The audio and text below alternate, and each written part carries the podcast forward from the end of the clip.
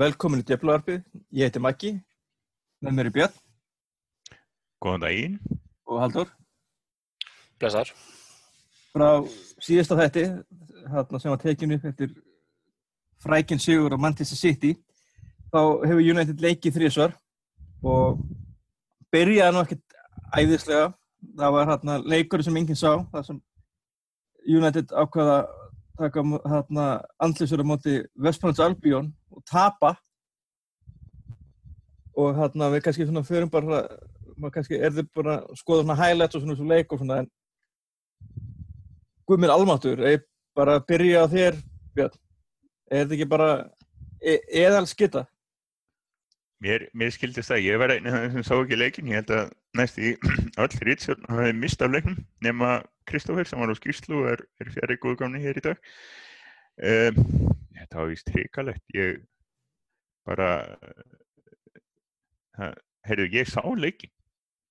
Úps, Þetta segir allt sem segir það hann var svo lélugur að ég hreinlega sko, blokkara. ég var búin að minni mínu. Í alvöru, ég sá leikin og það var bara það var aldrei, við vorum aldrei að fara að gera neitt í þessum leik. Það var bara þannig. Það var sko, svo kom þetta mark sko skýta mark og, og hérna var, við vorum aldrei að fara að stækja neitt og við vorum aldrei að fara að bjarga neinu og Vá, hvað þetta var eins og ég segi, ég, ég hérna ég hef greinlega verið búin að bara þurkað úr minni mínu að að hafa séð leikið minni þess að það gerðist náttúrulega ekkert í honum á okkar hálfu. Ekki neitt. Þannig að hérna ég bara það, það var bara eins og gott að, að, að við erum ekki að taka upp með þennan eina leik á bakkinu þannig að við getum betlað um næstu leiki frekar. Já, hann hann talaði einmitt um það hérna eftir leikjum raunni að liðið hefði verið að gera e, gera alltaf flókið og taka alltaf þessu auka snertingu og eitthvað meginn og og eitthvað meginn bara voru sinnir eigin verstu óvinnir og er það ekki bara þetta til í því?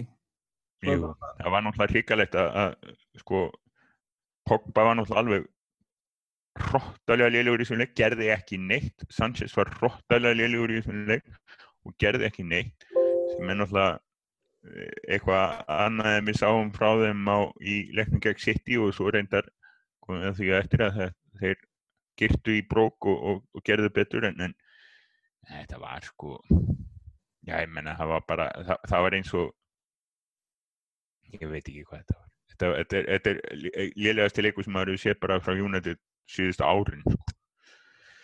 þannig að nógum það eins og ég sé, við bara er ekki bara onwards áfram, áfram og upp á við og, og tölum um skemmtilega leiki Eru, ég, mér, bara, það hljóma bara glæsilega en þarna þann 8. apríl þarna var færið í heimsó til Bournemouth. Og Haldur þú þú varst á, þeir, á þeirri vakt. Já, og þetta var þetta var þetta var framför. Jú, það er- óhætt að segja það. Það var, það var reynda mjög fyndið, sko, þú veist, ég, með hennan Vestbránleik, sko, að að það voru alveg þó nokkrir sem heldur því fram út og, og, og trúðu, eða sérst, kannski heldur ekki beint fram, en trúðu því alveg upp á Mourinho að, að, að hann hefði tankað þessum leik gegn Vestbróm bara til þess að, að Manchester City fengi ekki að, halda upp á deildartitilinn á vellinum, heldur þurft að fagna sigri í deildinni einhver staðar og einhver staðar.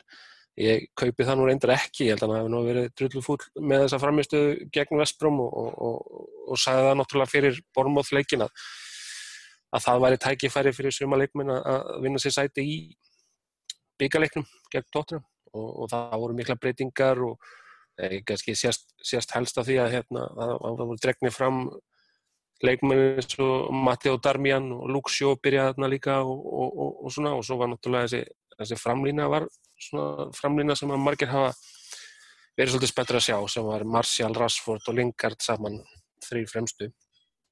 Þetta var, þetta var miklu miklu betra sko svona, þú veist, samt líka alveg sást alveg sást alveg þess merkja að það var mikið uh, rótirað og, og leikmennaðna sem hefðu minna spilað og, og lítið spilað saman og svona þannig að það tók smá tíma að gera sig í gang og samstilla sig en, en, en heilt yfir var þetta bara ljómandi fínt fannst mér sko. Og þessi mörk náttúrulega bara góð og kom, kom á fínum tíma svona miðjan fyrir háleik og, og, og miðjan setni háleik og, og klára þetta bara. Og hérna, Chris Smalling náttúrulega gammurinn í tegnum sem að hérna, skúraði fyrirmerkið og eftir alveg flottan, þetta var svona ekta í rauninni spil sem að maður vil sjá gegnum eitt liði sem að sem að líka svona aftalega, eitthvað sem, sem að við hefum uh, ekki fengið að sjá ekki nógu mikið af hjá United sem var svona snögt hlaup, verið að spotta hlaup, verið að koma með góðast stungusendingu og bara verið að splundra vördninni með í fáum snöggum snertingum og hlaupum. Það er bara virkilega gott að sjá það. Og svo var þessi, þetta setamark líka var frábæla unnið, svona skyndisókn, þessum að Marcial einmitt átti stóra þátt í því, fann Pogba, Pogba skeiðaði fram og með frábæra stungusendingu inn á Lukaku sem bara afgriði bóltan virkilega vel í, í markið. Þannig að þetta var, mörkin voru frábær og, og framist hann bara heilt yfir mjög fín sko. Það var svona helsta svona kjálfara á þessa framistöðu, það, það var síðan ekki kannski beint að sjá í byggalegnum að mjög margir hefði unni sér sæti í, það var kannski, mögulega kannski Pogba hefur unni sætið sér tilbaka eða eitthvað, ég veit ekki, en, en jú, jú, Jones svo sem kom að inn og, og hérna. Þannig að, já, en, en jú, þetta var bara ljómaði fint, sko. Já, Þetta var, þetta var ákveðat leikurinn sem þurfti eftir Vestbrún. Þetta var e- eiginlega alveg áreinslu laus sigur. Já, fínt að komast nær bara þessum takmarkum, það er svona aðalega meistradölda sætinu, nú er bara tvö steg af tólf sem liðið þarf að ná í til að, til að gulltryggja það og, hérna, og náttúrulega eh, svona koma hérna eh, já, sterkari, sterkari í barátunum annarsæti sem er svona, þú veist Re- re- Reyndar er það með nýjust úrslitum eiginlega alveg hægt að skipta máli. Það, já, þannig, þannig laga sko það, hérna, það gæti orðið miklu verra heldur en það að missa annarsætið. Já. Þannig að við, við höfum ágjörða því þegar það gerist en, en ekki fyrir. Nei. En hérna, já, þetta var bara mjög, mjög smekklu leikur. Þetta var eh, reyndar eins og þú sagðir í skýslinni að Borma var svona aðeins hefði getað verið að fara að skora. En ekkert sérstaklega. Ekki, ekkert þannig. Bara þetta var árenslu lust og, og fínt og, og góður undirbúningur undir, undir, undir byggarúslitin. já, er ekki bara, Björn, þú, þú sást um þannleik fyrir okkar höfn. Ég vilt ekki bara, ekki bara Indislegu leikur. Þetta var náttúrulega alveg indislegu leikur, sko. Já. Það var, eh, menn hafði af því, eða fólk hafði af því þegar, tóttunamarki kom að einu muninu sá að það kemur eftir tíu mínútur en ekki tíu sekundur eins og í leiknum, delta leiknum í janúar. En það kom bara í ljós að United hafði miklu betri svör við, við tóttunam núna en þá og, og, og jafnaði í fyrráleik og það var sangjant og, og tók þetta svo í sinni og það var bara mjög sangjant sangjant tegur, rosalega vel upplæðu leikur rosalega vel spilaði leikur. Pogba og Sanchez eh, aftur með stórleiki eftir sko eftir að séðum sitt í þess að verðum tóttina það var náttúrulega markið sem að sko Sanchez skoraði var alveg frábært bara, þú veist hvernig ég reyndar hafði smá að gera því þannig að Pogba verið að brjóta af sér sko en, en hérna, en það var ekki á svona alveg á mörkunum. En hérna bara bara snild að sjá þetta og og gott að sjá þess að leikmenn stígu upp í þessum stórleikjum. Það er, ég meina, til þess Alexis Sanchez er búinn að skora í næstu öllum leikjum, hann spilað á Wembley unni næstu alla leiki sem hann spilað á Wembley ef ekki alla og, og hérna Ég held að hann hafi skorað í öllum, allan að öllum byggaleikjum og ég held að hann hafi skorað fyrir Arsenal gegn spörs í dildinni gott ef hann á ekki mark fyrir síle gegn Englandi eða eitthvað líka var- og fyrir líka Já, ég held að bara, Ég held Ég að held það að- held- einhver, var einhver turnering eða eitthvað á Wembley sem að Síle tók þátt í eða eitthvað. ég held að, ég held að við séum búin að finna leikmannin sem að kann betur við Wembley en Jesse Lingard Það var ég vel. Já, vel, en það, það voru nú ekki mar, veist, það voru, ja, voru margir sem voru kannski ekkert mjög sáttir við að Sanchez skildi að var, verið valin aðna fram yfir uh, Martial eða, eða Rashford.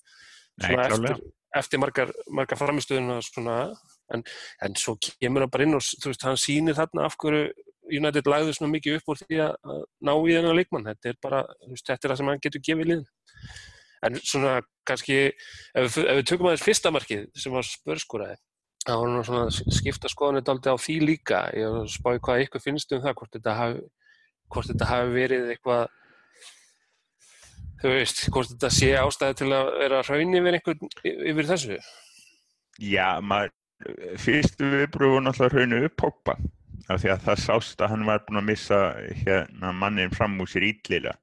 Næstu viðbröðu voru það að skoða hver í fjandarnum hérna þetta Jón hefði verið og hann hefði farið aðeins og harkalega fram.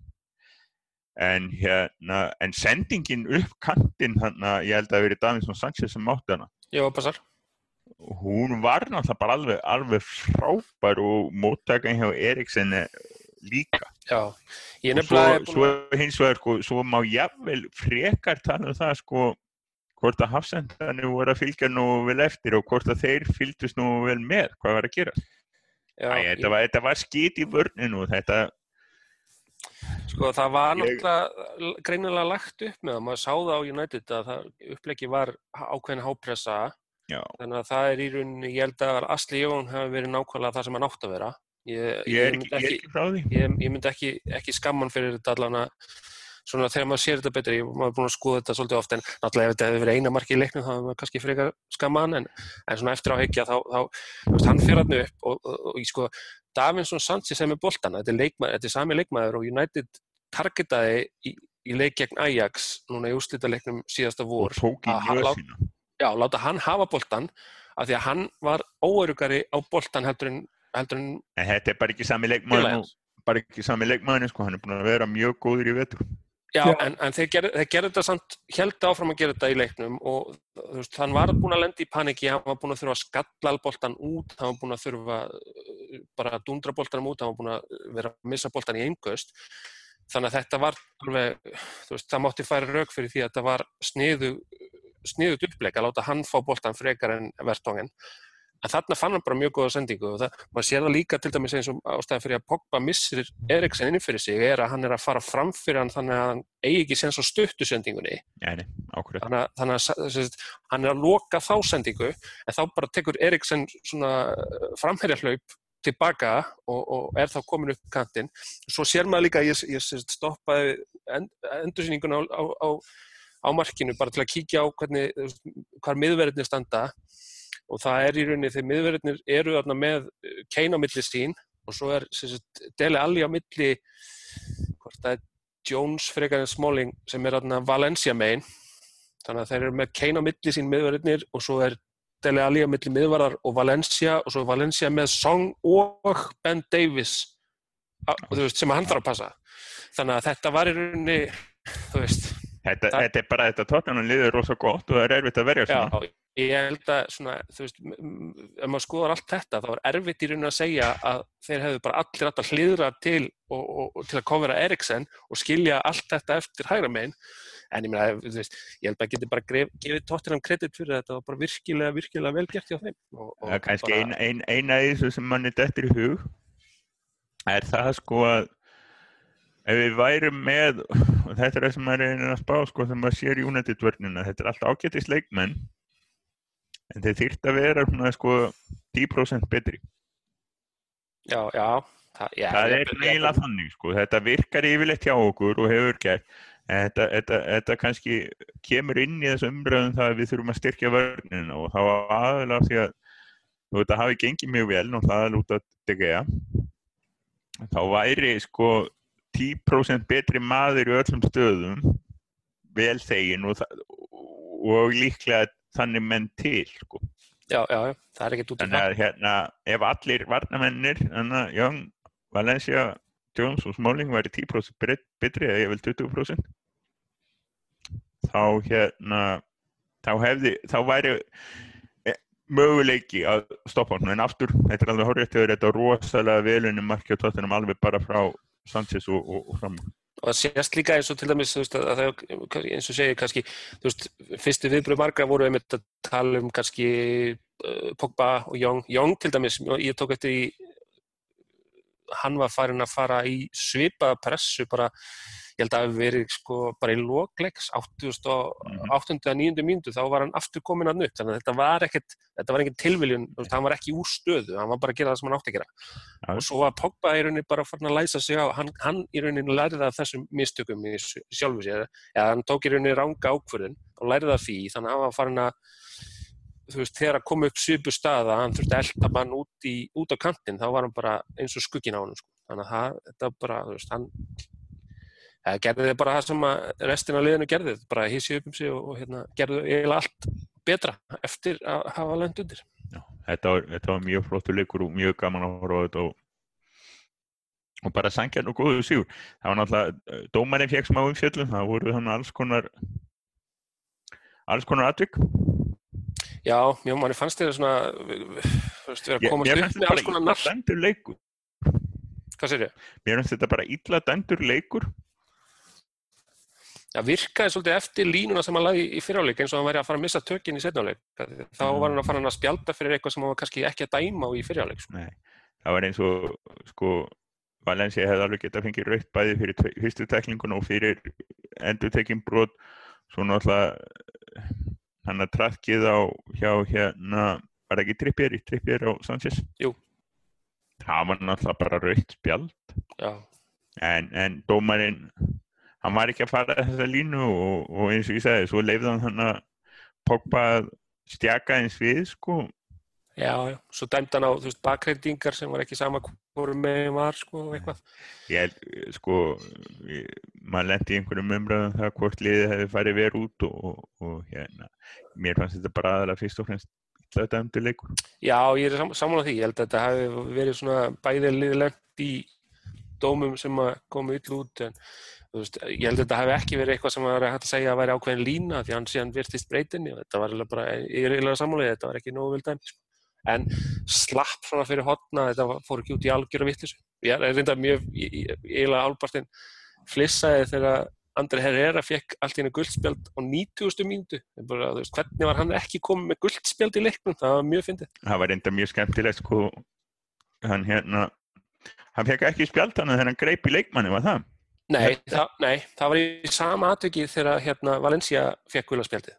Hann grýpur í hann og svo kemur Valencia hendir sér inn bara lappinnar í loftinu Já, það, Nei, þannig að hann grýpur í hann það er ekki, ekki leikunni stopp hann að döflanin endur týstu vídeo á aðtökinu. Já, já, vídeo er ekki nógu langt af því ef að vídeo hefur verið aðeins lengra þá eru síðan lappinnar á Valencia að koma að inn. Þetta er sama aðtök. En það voru endur sín þetta í rauninni til að sína tæklingunni á Valencia og svo á sást í, rauninni að Herrera hefði gripið hann í lappinnar þetta var, þetta var hérna mjög fyndið.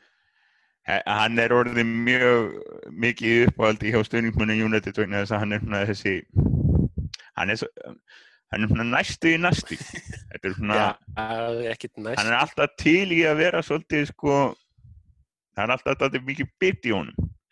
Snætt heitir þetta á ennskunni ég, hérna Hann er svona baby svolítið, assassin.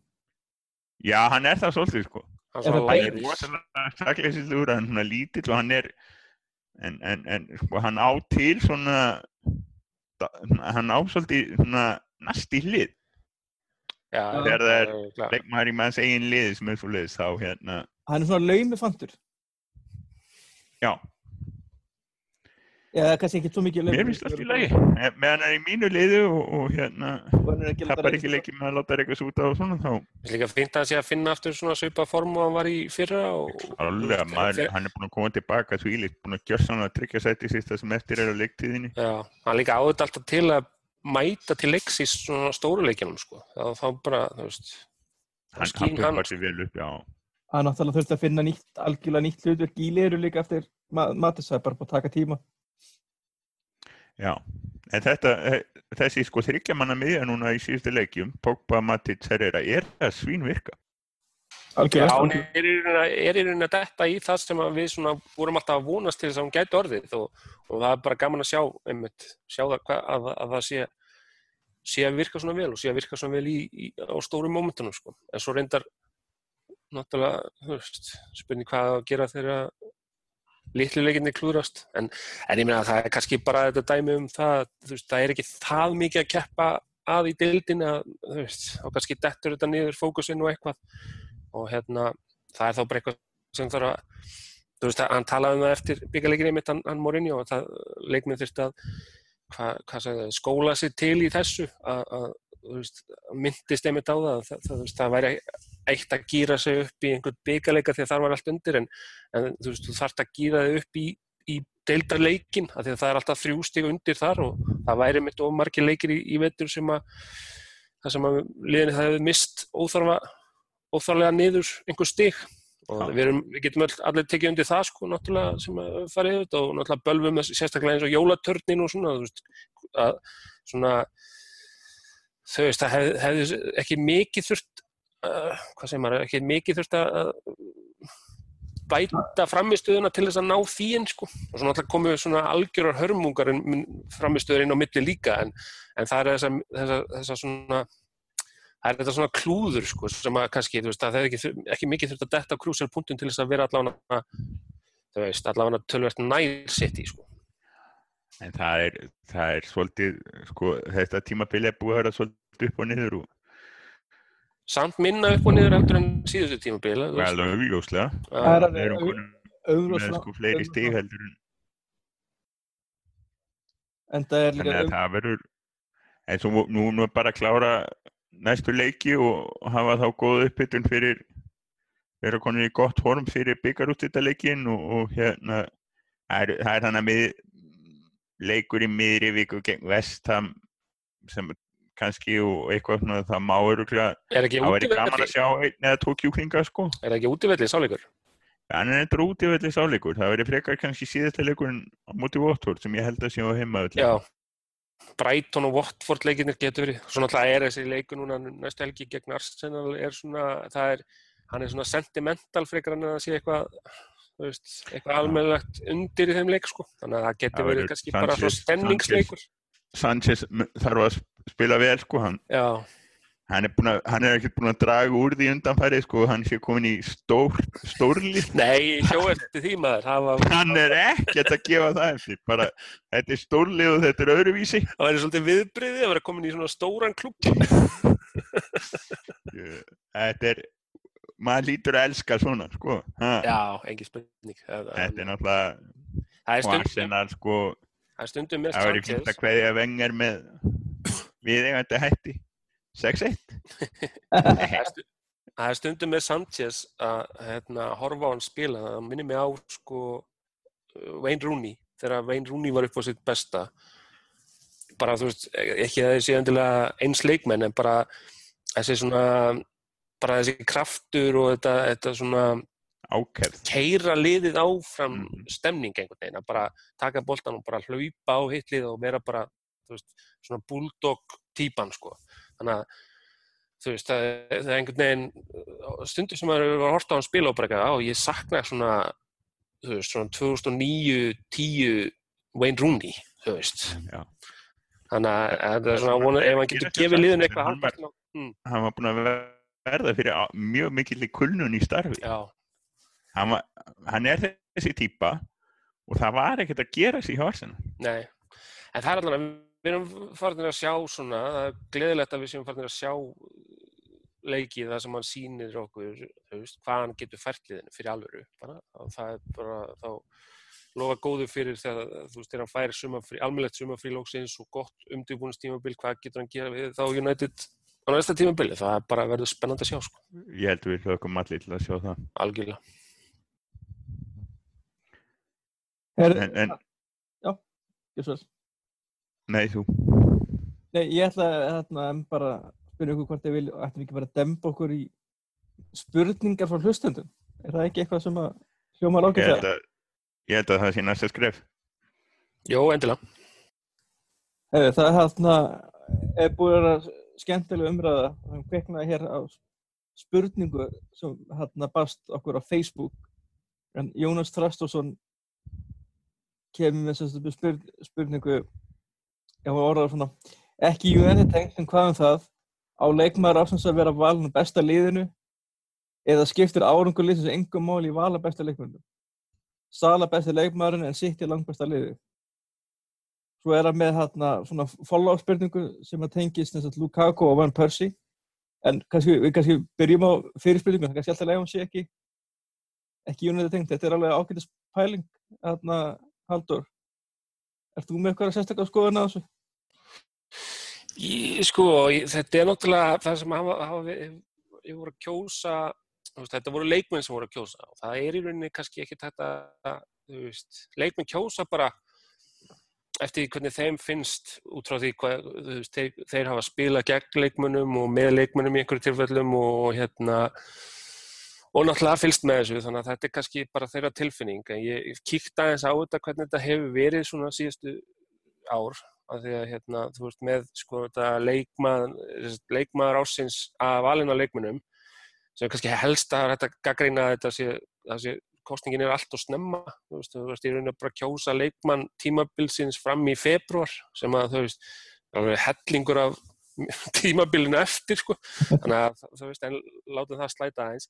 Að þetta er sko svona fyrstu 11 tímabilin af, af uh, hérna, úrvalstildinni þá gerist það einu sinni að sami leikmaður var valinn players player of the year og svo hérna, leikmaður úrvalstildarinnar sem er valinn eitthvað, ég veit ekki alveg þú veist, eitthvað svona Jú, alltaf það sé ekki blaðamenn, já og, hérna, og það var Alan Shearer 94-95 það var eini leikmaður þangað til síðan Thierry Henry 2003-04 og hérna, en eftir það, svona eins og síðustu ár, þá hefur það ofta gerst en ekki, sko, þá, hérna, þú veist, reyndar eins og þegar Lestevan, þá var Riyad Mahrez valin leik, leikmaður tímabilsins af leikmönnum, en Jamie Vardy af þá bladamönnum, annars hafði þetta verið yfirleitt sami leikmaðurinn. Og það er svona allir gangar á því hvort að, veist, hvort að það er sigurliðið eða ekki sem á þennan leikmann stundum eins og, eins og þarna þegar Mares og Vardi þá var þetta auðvitað að vera að velja veist, var, hvort tvekja úr sigurliðinu. En svo var til dæmis eins og Luis Suárez fekk þetta þegar City vann eh, Bale árið undan þegar United vann. Þannig að það er veist, en þeir áttu þá náttúrulega framúsgarandi tímabil. Þannig að ég, ég ég veit ekki, ég svo sem kannski hefur ekkert eitthvað mjög ástriði fulla skoðanir á hvort, hvort það ætti að vera einhvern veginn, ég held að þetta sé bara svona meiri tilfinning og náttúrulega einstaklingsvelun í fókbólt er alltaf svona svolítið iffi og hérna þú veist, það, oftar en ekki er það bara hver er, þú veist, duglegastur að skóra mörg þú veist, fyrir utan kannski þeirra, eins og fyrir að þeirra kanti var velina fyrir að vera leikmæðinu sem var líkilmaður í tveimur mestrarliðum í röð sko. þannig að það þarf eitthvað svona sérstat til þess að til þess að það sé ekki bara gaurin sem er duglegastur að skora en, en hérna, eða svona veist, og búið, búið til mörg og allt það. Já, er náttúrulega alltaf, alltaf einn markamennin sem að fá, yfirleitt alltaf markamenn en, en þegar þú segir þetta með sko, ég get, ég get drakið það ennþá aftur en þess að ég man eftir því að, að það þótti bara hildulega merkilegt ef að sami leikmaður vann bæði bæði velunum fyrir leikmenn og bladamenn hérna áðurna bara á, á nýjönda áratögnum og svona sko, það var ekkit, það var ekkit sérstaklega algengt. Og, og svo er náttúrulega eins og svo þetta sko hvernig er þið kjósa, leikmenn kjósa einhvern tíman í februar, blaðmenn kjósa í mars, Já. þetta er náttúrulega alveg, þetta er fár, sem maður náttúrulega leiðir, sem er náttúrulega skemmtilegast að dæmið þetta að við Nóla hýrti þetta þegar trennu tíma byrjuð okkar meðal annars náttúrulega því að, að United kostning sem þetta atkvæðin hafa dreifst alveg óbóðslega en það var náttúrulega allir frá góður Það er svipað vantalega með sitt í núna svipað, svipað Já, já, en, en það voru eiginlega allir búin að gera ráð fyrir að Kevin De Bruyne tækið þetta. Og svo kom einhver annar leikmaður sem ég man ekki alveg hvað heitir og lið sem ég veit ekki hvað heitir heldur hann voru að skora miklu meira og bara og tók þetta á líka er verið að slá einstaklingsmet og þá kannski já, já.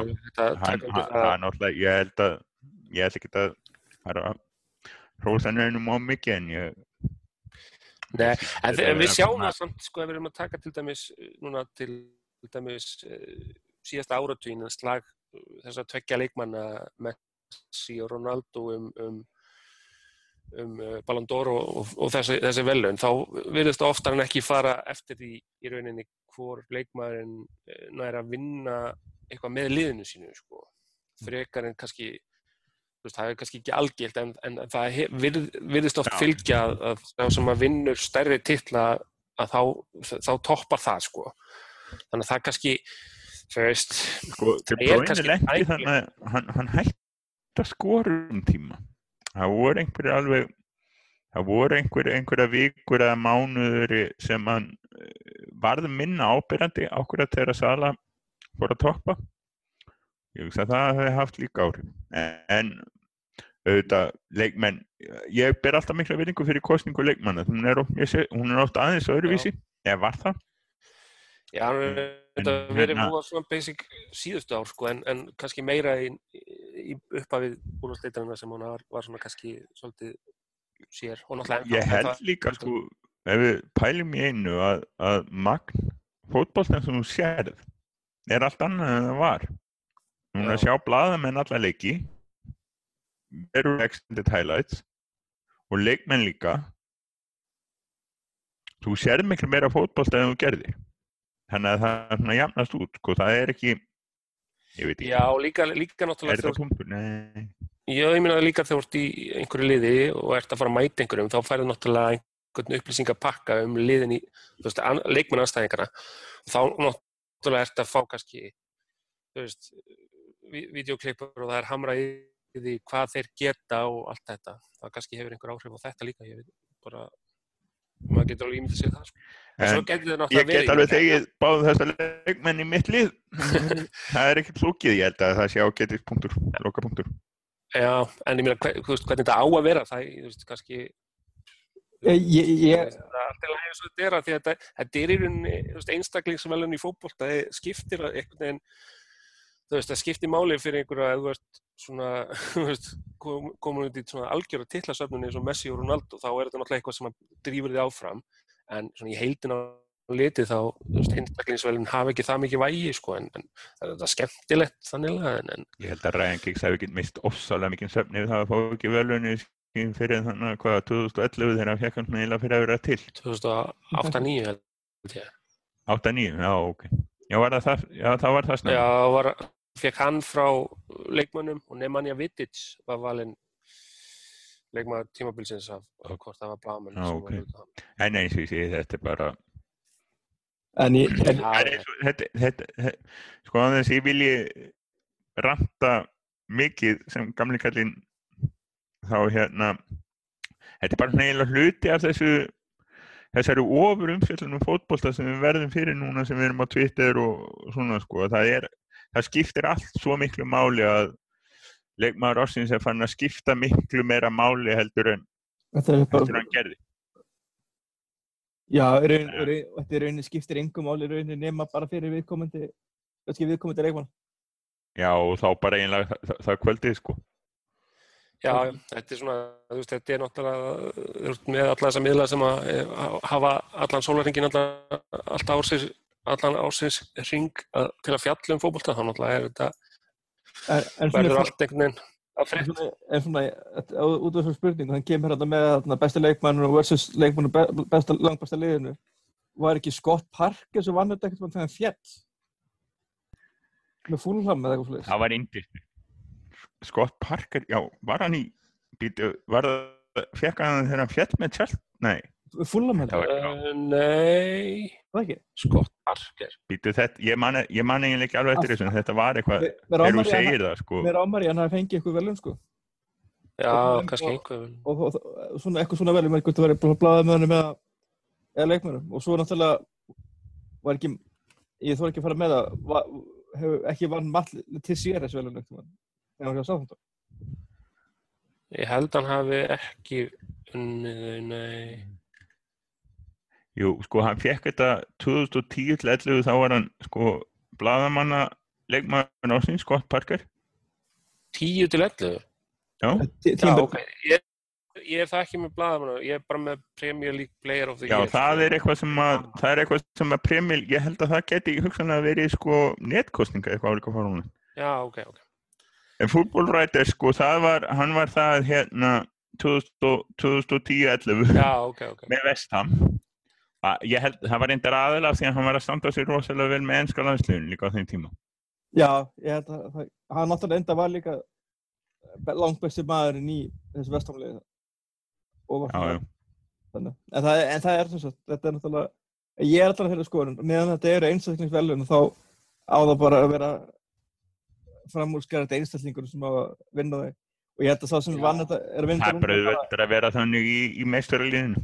Ég meina, ég meina Sale bara er einfallega frábæleg bara eiga bara geggja tíðanbíl sko, þannig að ég held að sé að enginn eh, er ekkert hægt að held að það er eitt að mæla gegn því hann hafi unnið þetta.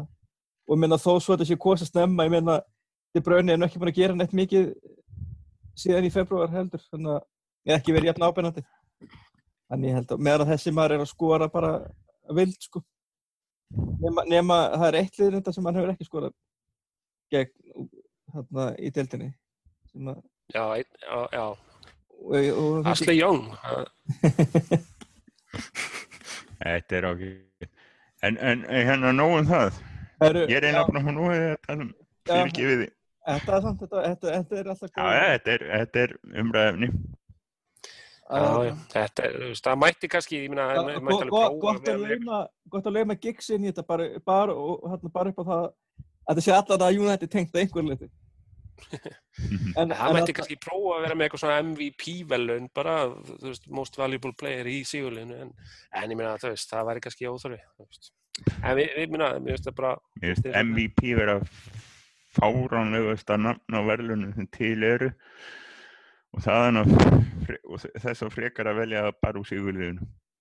Nei, er það ekki, ég held að MVP eins og í NBA er það, ég held að sé liðin bara í úslutakefninu. Já, er það ekki. Er Já. Jú, ég en er ekki alltaf, vinnur ekki alltaf einhver úr sigurliðinu?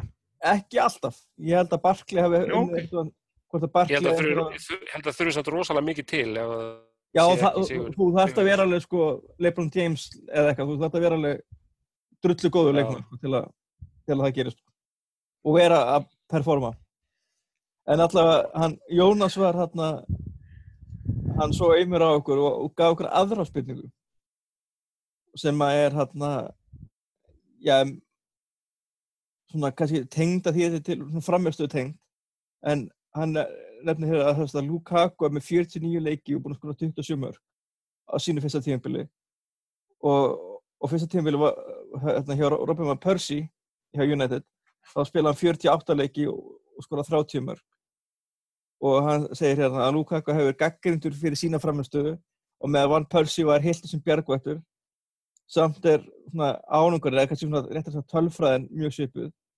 Og hann spyr svona hvers vegna? Og þá hérna kemur framhaldsspurning frá Gunnbjörni Ólasinni eftir samt með einhverja tölfræði sem mörgast að marka verið sigumörk ef ekki hugmynd sjálfur í minningunum allavega fannst manni Robin Persie alltaf vera að bjerga leikin fyrir okkur. Og Björn segir þú laðið því smá tölfræði vinnu eftir hérna sko- kjörfa spurningarinnar Já, ég, ég, ég fann það út úr því að, Robin Van Persie hafi skorað fjögur sigur mörg. Það er að segja åtta markið í sigur, síðasta markið og åtta markið í sigurleik. Þetta tímabil sem að verðum mestrar og, og ég held að þrísvar hafa hann skorað sem þetta loka markið sem var jöfnunumark. Þannig að þeir eru veru sjö mörg þar sem að, að bjarga stigum eða eigur á stigafjölda og hérna og ég hugsa að það sé þessi tilfinning sem að Gunnbjörn hafði.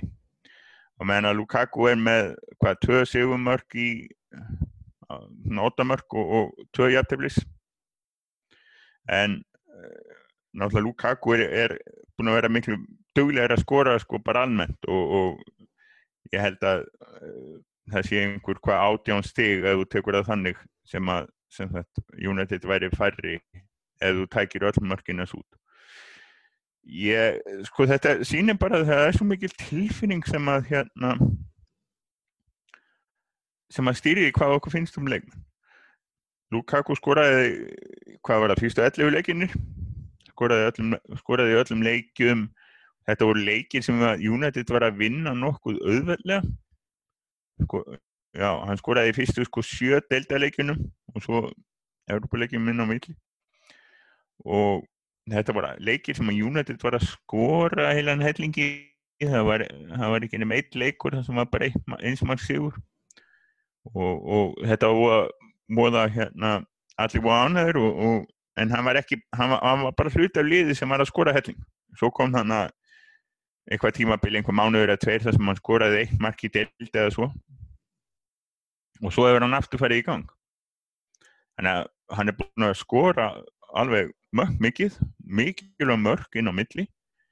En, en fyrst og fremst finnst mér sko ég er ekki með stóðsendingastatistik á hreinu en hann er náttúrulega búin að binna meira fyrir liði held en fann Percy gerði. Þannig að hann er alltaf öðruðs í leikmaður að því leitinu til. Og, og ég get ekki verið meira ánæðið með Lukaku ég segi það bara alveg eins og er. Hann er eftir þetta, eftir þetta þurra tímabil þá var hann gjörsanlega að fara í ganga aftur og búin að vera hróttalega dölur Já, gott, gott að þeir fór ekki haldur eða ekki rétt munu hjá mér að hérna þá hérna Van Persie hafa náttúrulega verið frábær hérna þegar hann kom hérna þetta fyrsta tímabil að sjá okkur.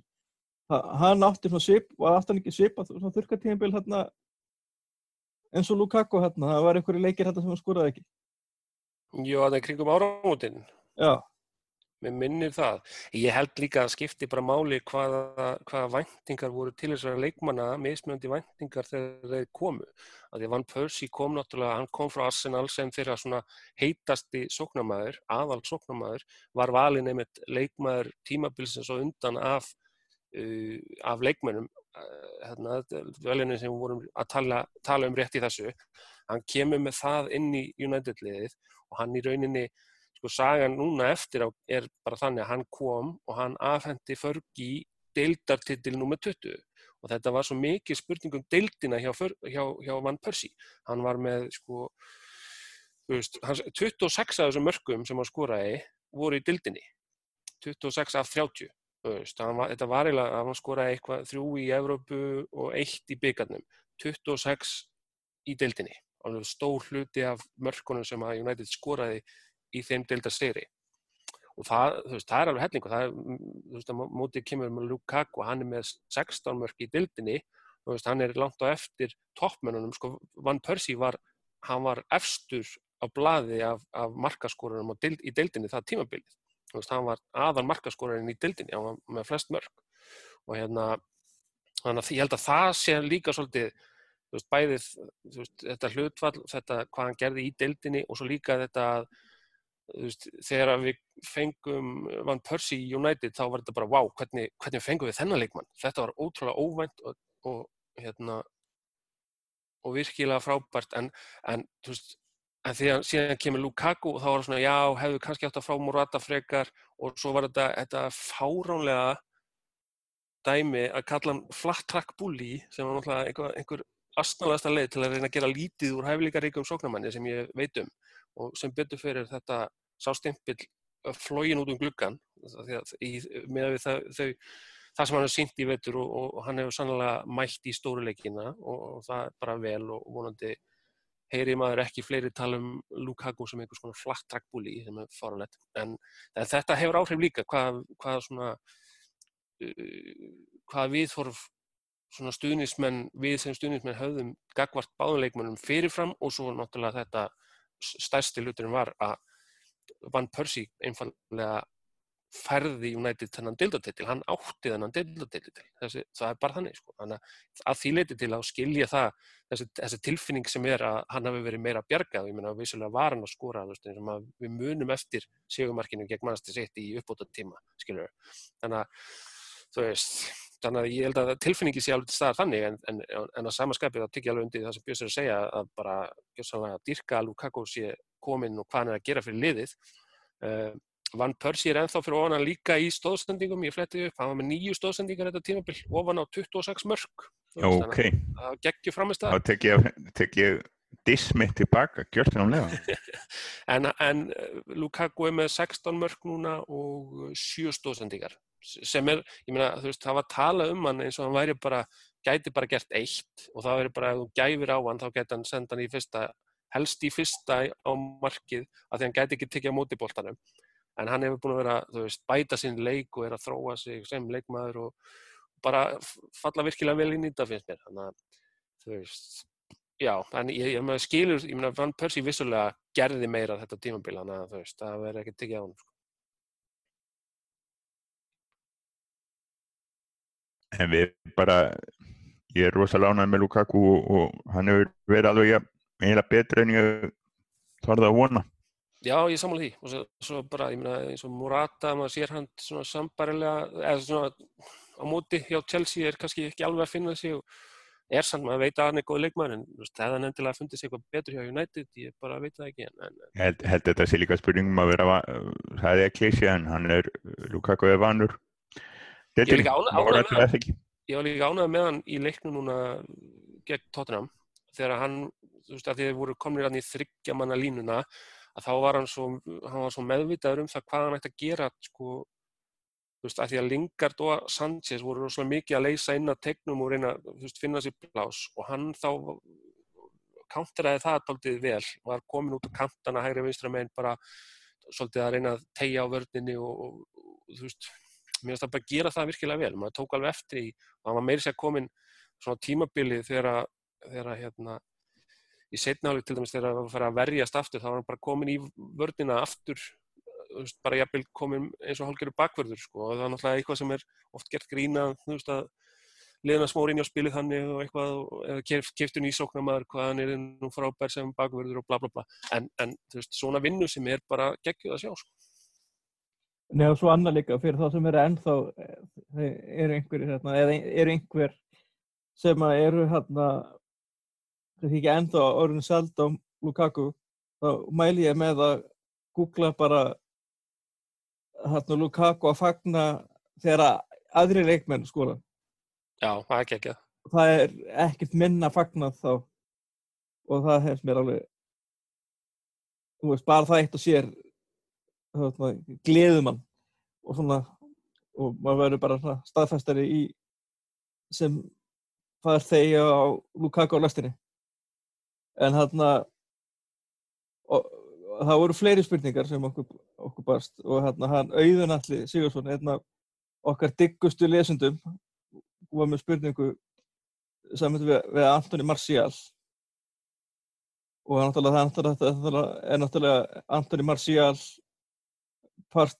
partur átta af svona hundra þangar til í þegar fjöleikskipti lokar í haust en hans, hérna, og hann spyr bara hérna einfallega, ég hefði áhuga að vita hvað mönnum finnst um Marcial sem leikmann og þá stöður hans innan liðsins. Væri það rétt að láta svona hæfileika frá sér í sumar? Og ég hérna ég hérna veit ekki með ykkur en ég hérna hef svona er ekki hérna kannski alveg sumi línu og margir ég veit að hérna spakimæður en Elli og, og Runalur er alveg bara vilja bara alls ekki sjá hann fara. Og meðan aðri eru með kannski þá skoðun að hann sé ekki brún á stöður og, og svona og og jáfnveil svo hef ég líka heyrt annað sem ég samála, þú veist, leikmenn sem er vilja ekki berjast fyrir sætri sinu og, og vilja bara fara, mega þá bara fara. Og ég ætla að hérna, mér finnst það góð spurning hjá, hjá auðinni en ég ætla að leggja það hans öðru sem fyrir ykkur. Og ég hérna ég horfði þannig fyrir mér og það, fyrir mér þá upp á framtíðina þá er það Rashford eða Martial. Og hérna sem er kannski ekki svængjarni uppsending en ef við stillið þannig og það byrjuð þeir bjössi. Hérna ef ert bara með pláss fyrir annan í liðinu Það er ef þú ætlar að leggja það þannig upp ef það er eina ég meina það, það svara sko það, það, bara ekki Rashford ef það er annar sko ég, ég, ég vil ekki missa Marshall en það er íminnslegt fleira til þessu og þetta er það er búið að kaupa Alexis Sanchez það er ekki tægt að hætta við það við erum með þrjá menn sem eru að spila oftar en ekki vinstri kantmann.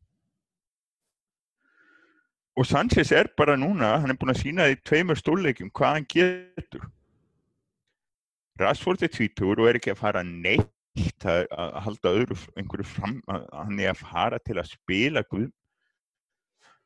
Það er bara mað, það er ekki allir lægi sko, þetta er nú umbúðsmannatal en Marshall er spurning. Hann, er, hann á eitt ár eftir pluss að United getur framlengt samningum eitt ár þannig að hann á tvö ár eftir á samningi þannig að annarkort seljum við hann núna eða næstu sumar eða þeir frýtt ef hann allar að fara. Það þarf að koma helvíti gott tilbúð í Antoni Marcel til að ég taki mála að United selja 80 miljónir kannski 8, 90 Dóri Já, með eitthvað Osmane Dembele kostaði, við grípaði svar mér fyrir haldari hérna, fyrir ekki, hann fór á hund. Já, já. Þá, Já, sko, ég veit ekki alveg, þú veist, mér finnst þetta, ég, maður, sko, ég er alveg samanlega, ég myndi bara svona helst, myndi, svona þannig típa leikmanni, maður veit bara, er, hann verður bara áfram í United og standa sig vel og fara bara, finn, það sé að finna einhver, einhverja leið til þess að spila þeim öllum og þetta bara reddist. en uh, lífið er ekki alveg þannig og fókbóltinn ekki heldur, en þannig að, sko, ég, ég vona að hann haldi áfram hjá United og vil sjá hann uh, vera áfram en það er spurning hversu langt félagi á ganga til þess að einhvern veginn haldunum ef hann vil sjálfur fara. Og ég get alveg séð það að það sé sko ég get alveg séð að hann myndi vilja fara. Ég get alveg skilið af hverju hann myndi vilja fara. Af því að við tökum bara dæmi um svona unga leikmenn sem hafa þurft að fara það hafi í rauninni þurft að fara eitthvað annað til þess að geta farið að blómstra og geta farið að finna sig. Að þú veist ef að Chelsea hefði verið, verið bara nei, þú fer ekki neitt við, við Mo Salah eða, eða De Bruyne eða eitthvað svona. Þú veist, þeir, þeir voru ekki nógu góði til að komast inn í liði þeir, þeir voru ekki nógu stöðir, þeir voru efnileg, þeir voru höfði eitthvað en þeir, þú veist, þeir voru bara berjast við leikmenn sem voru betri en þeir og fastari í liðanum og það skýndis líka, ég meina Chelsea vann titilinn, þú veist. Þannig að það í rauninni jújú, jú, Chelsea var alveg til að hafa þessa leikmenn núna en, en væri þeir þessi leikmenn sem þeir eru núna ef þeir hefðu ekki farið á þeim tíma sem þeir fóru. Þannig að þú veist, kannski þarf Marcial að fara til að geta orðið að leikmæður sem hann getur orðið. Þetta, og, veist, það er líka ploss fyrir eitt sendir í liðinu og hann heitir Blómelu Lukaku. Já, og það er... Eins og staðin í dag, þá er hvorki er að svolítið að fara að spila sendinu með eitthvað mikið breytist. Nei, nei.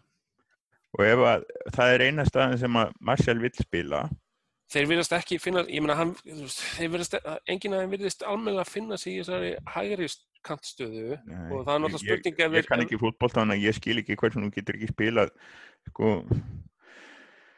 Þeir eru báðir rétt að þetta ekki? Já, ég, ég, ég held að það sem ég skilja þetta er að þeir eru að spila rauninni svona svo kallaðan innherja, svona inside forward. Já, og inverted. Já, þess að sækja inn og snúin, sko sem er, sem er öll búin að vera tískan alveg ansi lengi að menn eru að spila með sko, í gamla daga fórst upp á endamörgum og gafst fyrir með réttafætinum en nú ert að, að kvætt inn taka Robin á þetta, bara ekki ja, vel og Robin. Já, þeir eru náttúrulega ekki þannig típur og þeir eru keiri upp að endamörgum og, og senda hann fyrir þeir, þeir, eru, þeir eru þessi típa að þú kvættar inn sko já, já. miklu fyrir og gefur fyrir sko þú gefur ekki eins, þú, þú, þú ferð inn að miðjunni og gefur fyrir með fætinum sem að snýr frá skjölinni. Það væri helst sko fyrir, eins, og, eins og maður sér það þá væri helst ef að til dæmis Sanchez að ef hann er bara eins og hann var núna gegn tóttunum í hálgerði bara frjálsar í rullu ef hann gæti verið bara svona á blaði hægri kantmaðurinn og gæti einhvern veginn fundið leið til þess að vera ekki fyrir þá Marcial og Rashford á vinstri kantinum þá getur þetta gengið upp sko. en það, eins og ég segja, þetta er aðalega spurningum það. Þú veist, ég vil að United haldi Martial og vil sjá hann blómstra helst hjá United. En ef hann býtur að í sig að hann vilji fara og hefur fordæmi fyrir því að menn fari til þess að verða betri veist, hver, hversu langt á ganga til þess að, að halda hann, það er náttúrulega er hægt að segja bara nú, núna nei, þú veist, gefðu okkur eitt tímabili eða eitthvað. En, en en ég meina svo er það kannski ekki til bóta því hann er, minn Marcial er svona típana sem að sko, þú veist hann, hann er ekki hann er ekki Dwight York beint. Hann er ekki Ronaldinho hann er ekki, þú veist, hann er ekki eitthvað svona veist, það byrtir ekki til þegar hann brosir, eh, skilur það, hann er, hann er svona það er þungt yfir honum, það er, veist, það er oft svona þungskíðað í kringum hann, skilur hann, þannig að þú veist, við þurfum að skemmt móran. Búin að fjölskylda, búin að eigna eitthvað töpun og skilja og komið kæristu og það er búin að vera alls konar læti í. Já, en það er alltaf, en, en, en það er eitt í þessu og ég man ekki hvar ég sá það, ég held, þannig sem búin að vera alltaf búin Twitter, þannig að það, sko, næsta tímabil, á þessum að sjá mikið að tala um það næsta tímabil, sjókar tímabil eins og sem mikið er alltaf það verður eiginlega bara tvent til annarkvort verður hörku allega tillinum og þá myndi ég sjá að sko hlýtur- hlyti eiginlega vera stór hlut af því á einn annan hátt. Mm, eða verður ekki hörku allega tillinum og þá fer Mourinho. En ekki Marshall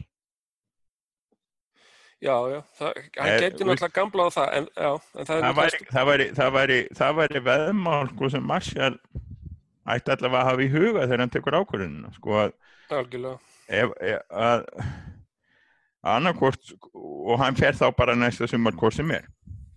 Hvort sem hann, þú veist, ef að, segjum að United verði hörkulið og Marshall ekki hluta því þá náttúrulega fer hann.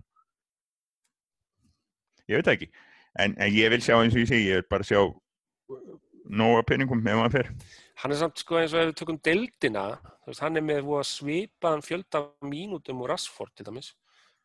Veist, þeir, en það er með náttúrulega að hluta til af því að þeir voru náttúrulega voru alltaf að, að hérna, rótera þannig lengst framan af sko. Já, já, annar spilaði og svo spilaði hinn og, og það var bara líka við skipt ykkur meinaðsleik og svo kemur. Sanchez og virkaði mjög vel líka já, já, það virkaði nefnilega rosalega vel. Já, og við vorum mjög ánægð með það.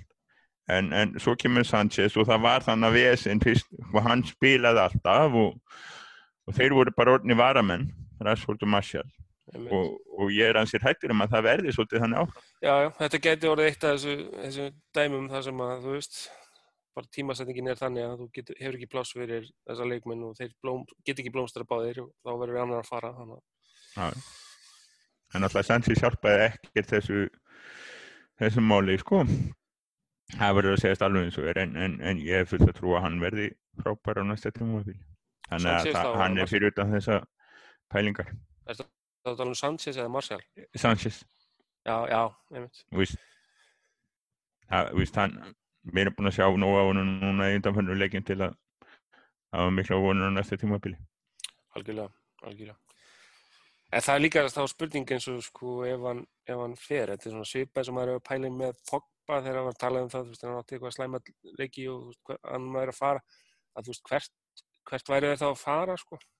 Ef Marshall fer til Juve ef hann fer, ef hann fótt í bala í staðinn, Veitu, hvar, hvar er hann? Já, hann- já, er hann ekki bestur í hólunni eða eitthvað? Jú, mér skilst það. Þá er spurningum í Cardi og Inder. Já, en það er, já, ég er þetta áhugaverða sögur með hann í karti sem að hann, ég vil ekki sjá hann. gæti, gæti, ef hann fer til Juve ef hann og kannski Darmian er að fara líka þá verður ég að fá kannski Alexandro og pening pening, já mm. eða Darmian er að fara til Júi manni sýnist það að vera alveg á hreinu Já, já, það er fínt. Sko. Þetta er þá slett skipti á honum og Alexandro kannski. 40 kúlur á milli hugsa ég Já, Já, ég ég held að Marcial sé alltaf meira verið. Bara einfallega sem sóknarmaður. en þetta er bara sko það er bara ómargi líki leikmenn hann hjá United. Og ef þeir alltaf þeir get ekki vænst þess að spila alla leiki. Nei, hann er líka með, veist, hvað á, hvað á Mourinho að gera? Ef að Martial segir að, þú veist, hann sé óunað með það að fá bara stundum tækifæri til að sanna sig og ekki. Þú veist, á Mourinho að vera að segja bara, já, ég, ég lofa þér að þú verður aðalmaðurinn þarna og, og þú veist, þá, hvað, Bekkja Sanchez eða, þú veist, Já, mér, finnst það, nefnilega góð spurning. Mér líka, ef líka, ef Marcial er þessari skoðun, af hverju er hann ekki að spila betur þegar hann kemur inn á? Af hverju ekki bara, þú veist, af hverju ekki bara, þú veist, lagt, af hverju leggur þessi ekki 120% fram? Man finnst ekki með alltaf að það sé bara svona í sumu leikjum þegar hann er ekki góður, að nefnir sig ekki. svo, svo sé ég líka sjó eftir í leiknum hann daginn að sko þegar hann kemur inn á og þetta er ekki alveg nýtt þess að hann er búin að vera að þessu síðan líka í fyrra og hann reynir of mikið. Hann lendir í ógöngum.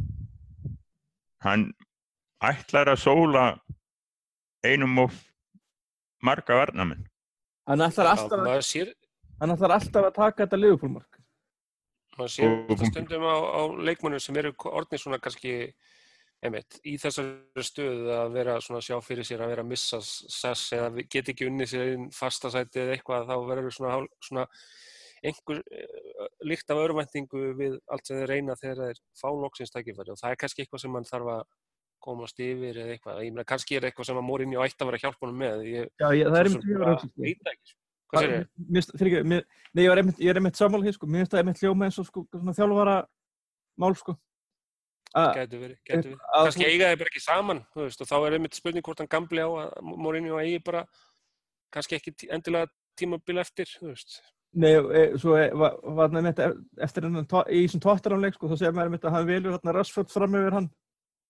Og hann, hann alltaf, þú veist, þú var að komast í úslitir og hann var bara drullu fúll þarna á bekknum. Já, já, sett ekki neitt á, á samfélagsmiðla, ekki, ekkert varðandi hennan leik, það er svolítið segjandi. sko. Þannig, þannig ef hann er, ef hann er þessi fílupúki, þá bara, þú veist, um að gera að fá okkur pening og kannski eitthvað leikmann uppi. Og þá er bara, þá er það bara þar, þá bara, þú veist, Já, ég, ég veit ekki, veist, ég, já, ég... Það er ekkert- það er ekkert, ég, vil ekki að fara, en ef, Þetta er- er karakterinn, þá bara, er bara, kannski bara allt í lagi að fari. Hvað það Já, ég- já, og við, við verðum þá líka bara að kingja því ef hann fer og, og tekur eitthvað De Bruyne Sala dæmi á þetta þá, þá er það bara þannig Já, og þá ég, bara, ég held en- til dæmis, ég held að ef hann, ef hann færi, hann kæmi aldrei aftur, sko. Hann, hann væri ekkert hægt að setja eitthvað svona bæbæk. nei, nei, nei, alls ekki sko. Hann væri það bara var ekki inn í alfarið. þess virða að setja bara að selja hann dýrar sko. Já, já, þú veist, hann, fer ekki eins og í, þú veist, það væri náttúrulega ekkert viti að senda leikmann eins og hann á lánun eitthvað, þannig að, veist, þetta er bara þannig að Mm. bara, þannig fer, þá er farin. þá sjáum hann ekkert aftur, sko. Nei, jú, og, og það er ekkert gefið að, bara, þú veist, ég bara það, og það er margir United-sinum sem voru bara, ég veit ekki hvað það sé, ennþá með þá fantasi um að Ronaldo komið aftur, veist, og hann, þá sé hann á 33. nei, er, er það ekki alveg búið come on, Ég, Ha? ég Jú, veit ekki. það, það er alveg búið þú er, ein, þú er ekki heyrt það í vetur Það maður má nú láta sig dreyma aðeins svona stundum, sko, eða ekki? Já, Jú, í einrúmi Já, ég, ég hef ekki verið mikið að flagga þessu, ég, en bara, þú veist, það, En ég, ég ég, ég, ég það, en, stundum, en, en sko lætum maður sér dreyma. ef að Marcel fer þurfum við, þurfum við einhvern framlínumann ég myndi vilja fá eitthvað hægra meginn. Já, það er það sem er talað um að hann vilji fá einhvern örfættan sem er vantalega hugsaður þá hægra megin, þannig að, Já, það, það Já, er, já, sem myndi þá köttin að til dæmis ja, eins og, Marta hefur gera. það er einn ein, til dæmis leikmaður hérna, efnilegur hérna, Brasiljamaður hérna, spilur frönskundildinni Þetta er Malcolm hjá Bordeaux við vorum orðaðar eitthvað aðeins við hann. Og hann er einmitt örfætt, örfættur hæri kampar Já, er það já, já ok, ég var búin að glema, glema Malcolm greinum já, Malcolm með elli hérna í endan en hérna, það, er, það vantar 11 undir emminu.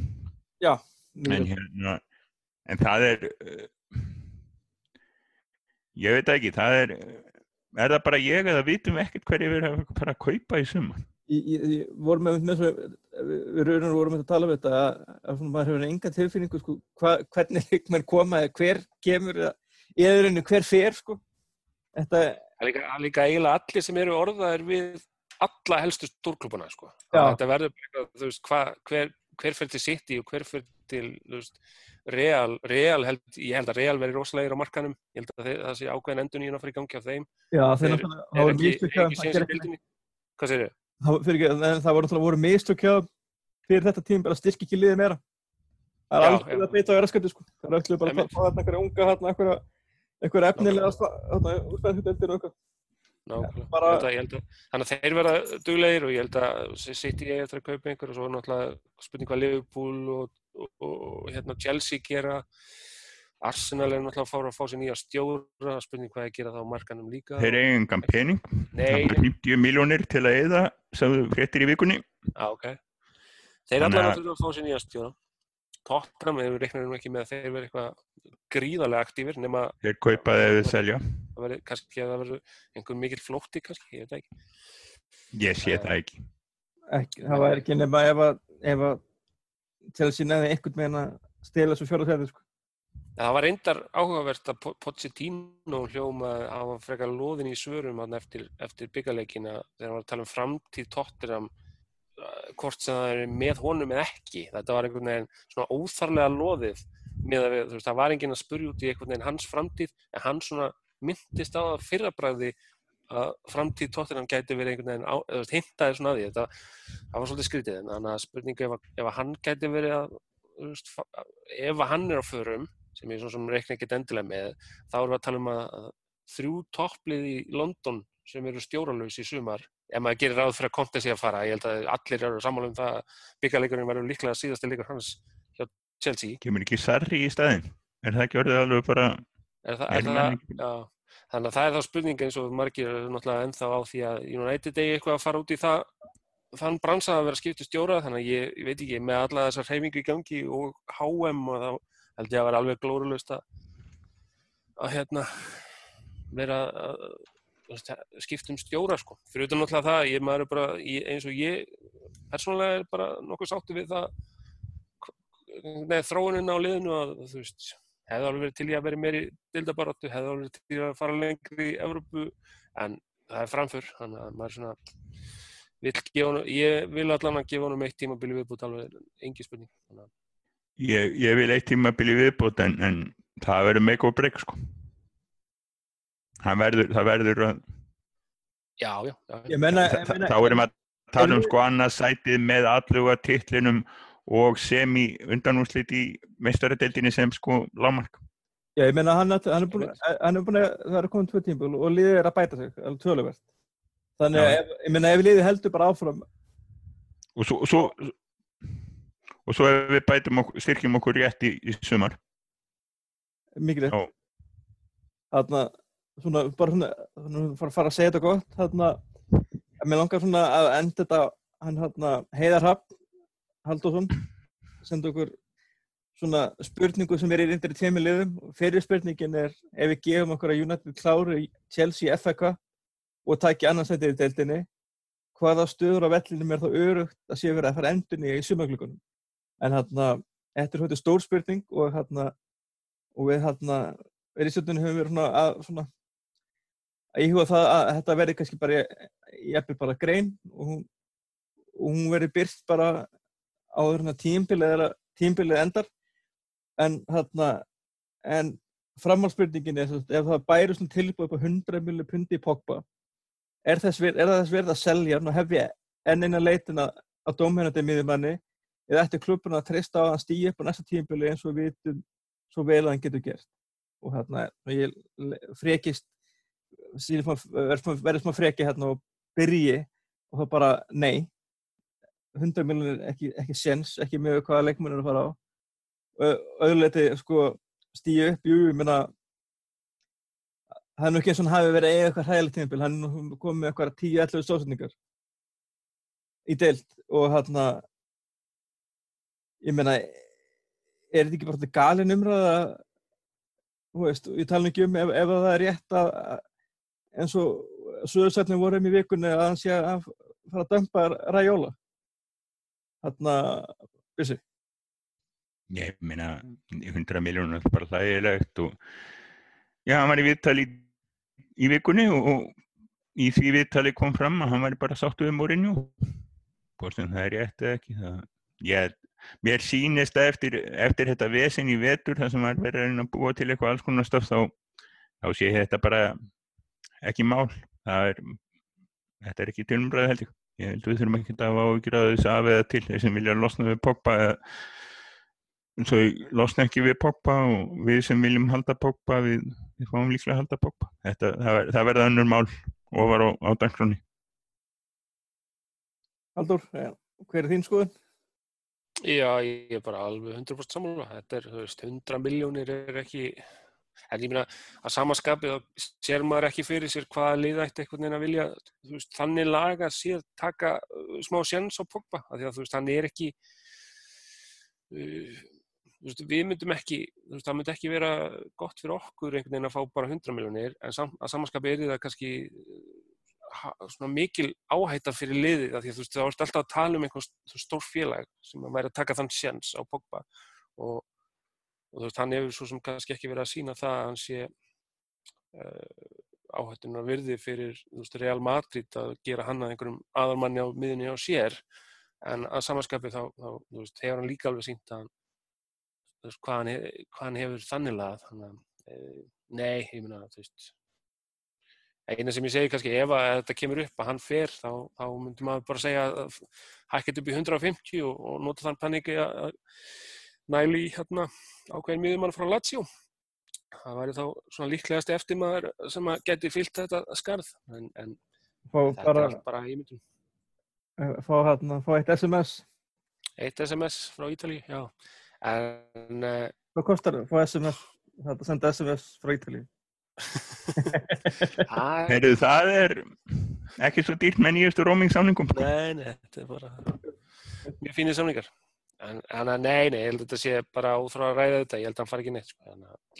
Nei, en það er kannski ekki skrítið að þessi spurningin komi náttúrulega, þetta er náttúrulega, já, þetta er náttúrulega eitthvað sem er alltaf í umræðinni og þú veist, hann, er, hann er þannig típa líka, þú veist, að hann einhvern veginn sogast umræðan einhvern veginn þú veist, það er auðvelt að búa til einhverja umræðu kringum hann, bara því að hvernig karakterin er veist, inn á vellinum og utan vallar. Þannig að hérna, veist, þetta er ekki, við alltaf að, það er alltaf eftir að vera einhver slúðusögur í kringum alla, veist, alveg saman þótt hann er 10-12 ára feril hjá United, bara blómlegan þá verður alltaf einhverja sögursagnir, sko, þannig að þetta er ekkert jú, jú, Þetta er óeðlilegt þannig. ef þetta kemur með Rajóla og er ekki einmitt hérna minnir að séðum bara tíst bara núna hvort það er gott að það var ekki bara í sístu viku að, að hérna Rajóla var að reppa hérna fimm leikmenn hjá United hann var með svo mikið tarjan sem er farin Zlatan Ibrahimovic sem er farin gott, ég veit ekki hvort það sé, er hann með Romero? Sem er ennþá og svo hérna var hann með hérna Romelu Lukaku og, Pog- og Paul Pogba. En mér skilst að Lukaku sé búinn að skipta um umba hafi hérna var ég hérna og það er talað um það að Pogba sé semst í sipum hugleðingum og og ég held nefnilega að það að losna við hennan ræjóla hérna, ég meina það geta verið tilhjörn að þessi, þessi umræða kemur hérna eftir að, að við losum okkur við tvo eða losum okkur við þetta tvo skjólstæðinga. Er þetta ekki bara ræjóla að leika okkur til að reyna að fá tjekka áhuga hjá eins og Real Madrid eða þessu, þessum liðum er ekki þetta bara afgreðað þannig mér syndist líka bara því sem Pogba sagði að hann geti verið væri, væri hefust, ef að var, þessi orðum að vera réttir þá væri hann út um allt Já, já, ég held að sé ágætt punktur. Ég, maður svo sem veit, getur trú á hann Ræjólu upp og maður getur trú hverju sem er upp á hann, sko.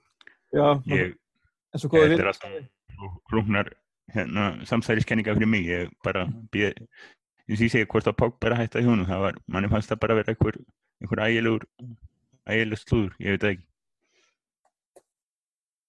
en allavega, ég, ma- maður er hérna ég- eins og þetta kunningi minn sagði, ég myndi ekki treyst honum fyrir batni við læk Nei, þetta kemur allt í ljós. en hérna þá hérna en við kveðjum ykkur alveg þá hérna var hérna spurning frá Ólafi Bjarkasinni sem er bara hérna lauslega eftir hádegi í dag. Og hann segir hérna sælifélagar það verður mjög gaman að heyra ykkur fara yfir stöðuna á yngjaflokkum United. Hvernig eru liðin að standa sig? Hvernig eru þið samfyrir unglingastarf hjá öðrum stórliðum hverjar eru þessi helstu hot prospects samfyrir Angel Gómez og fleiri? Ég veit ekki hvort þið hafi tekið þetta fyrir eldri hætti sem ég misti af. En ef ekki þá væri frábært að heyra, heyra eitthvað fjallum þessu mál og hérna við því miður við því hérna erum ekki alveg nóvelin í þessu og þetta er kannski þetta krefst töluvert meiri tíma og hérna og Ek- Ekki skip, eitt, er að- er að benda það en náttúrulega síðasta, hvort það var síðasta eða þar síðasta helgi var hansi viðbörður ekki fyrir yngri liðin þar sem að átjónarliðið var deildamestari, eða sem sagt vann norður hluta deildarinnar fyrir átjónarlið. Og uh, 23 gerur liðið fjall úr efstu, efstu deildin í, í, í þeim flokki, þannig að þetta var svona sviftingasamt, bæði kortvekja eftir leiki gegn Master City sem að reyndar hvort liðið tapaði en, en hérna Þannig að þetta er svona átjónarliðið er mjög efnilegt en 23 ekki eins.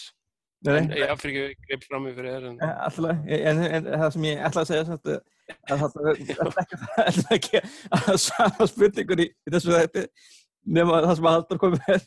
En þarna, ég ætla nú bara að Já, nota bara, tæki- bara ég ætla, nú bara að nota tækifærið og bara svona seima og svona setja svona pressu á hann að hann er búin að lofa okkur hérna yngjaflokka greiningu og hérna Hann er hún er örugglega bara alveg hún er örugglega bara alveg að koma. En þetta er klárlega eitthvað sem væri hægt að ræða og það hefur verið nóg að ræða í sumaglökkurum og jafnvel hérna Þetta, er þetta, þetta, var, þetta er góð spurning og við þurfum að taka svona eitt podcasta sem við stúdurum með dagins byttur og, og hérna, fáum Já. Runor með okkur Og- aðeins yfir þetta. Þetta er, þetta er áhugavert efni, sko. ég þetta verið gott ef við verðum búin að fara yfir svona tölfræði og svona og kynna okkur að örlítið betur en en Bjössi og Haldur bara takk bara æðislega fyrir samverðana og við hérna heyrum í ykkur setna þannig að ekki mikið eftir þessu tíumbili og það er gott ef hvort að það verði ekki bara hreinlega uppbytun fyrir byggarúsleikjan þannig til að hlu- hlustið á bladrið í okkur aftur Takk fyrir mig Takk svo mis. Takk, takk.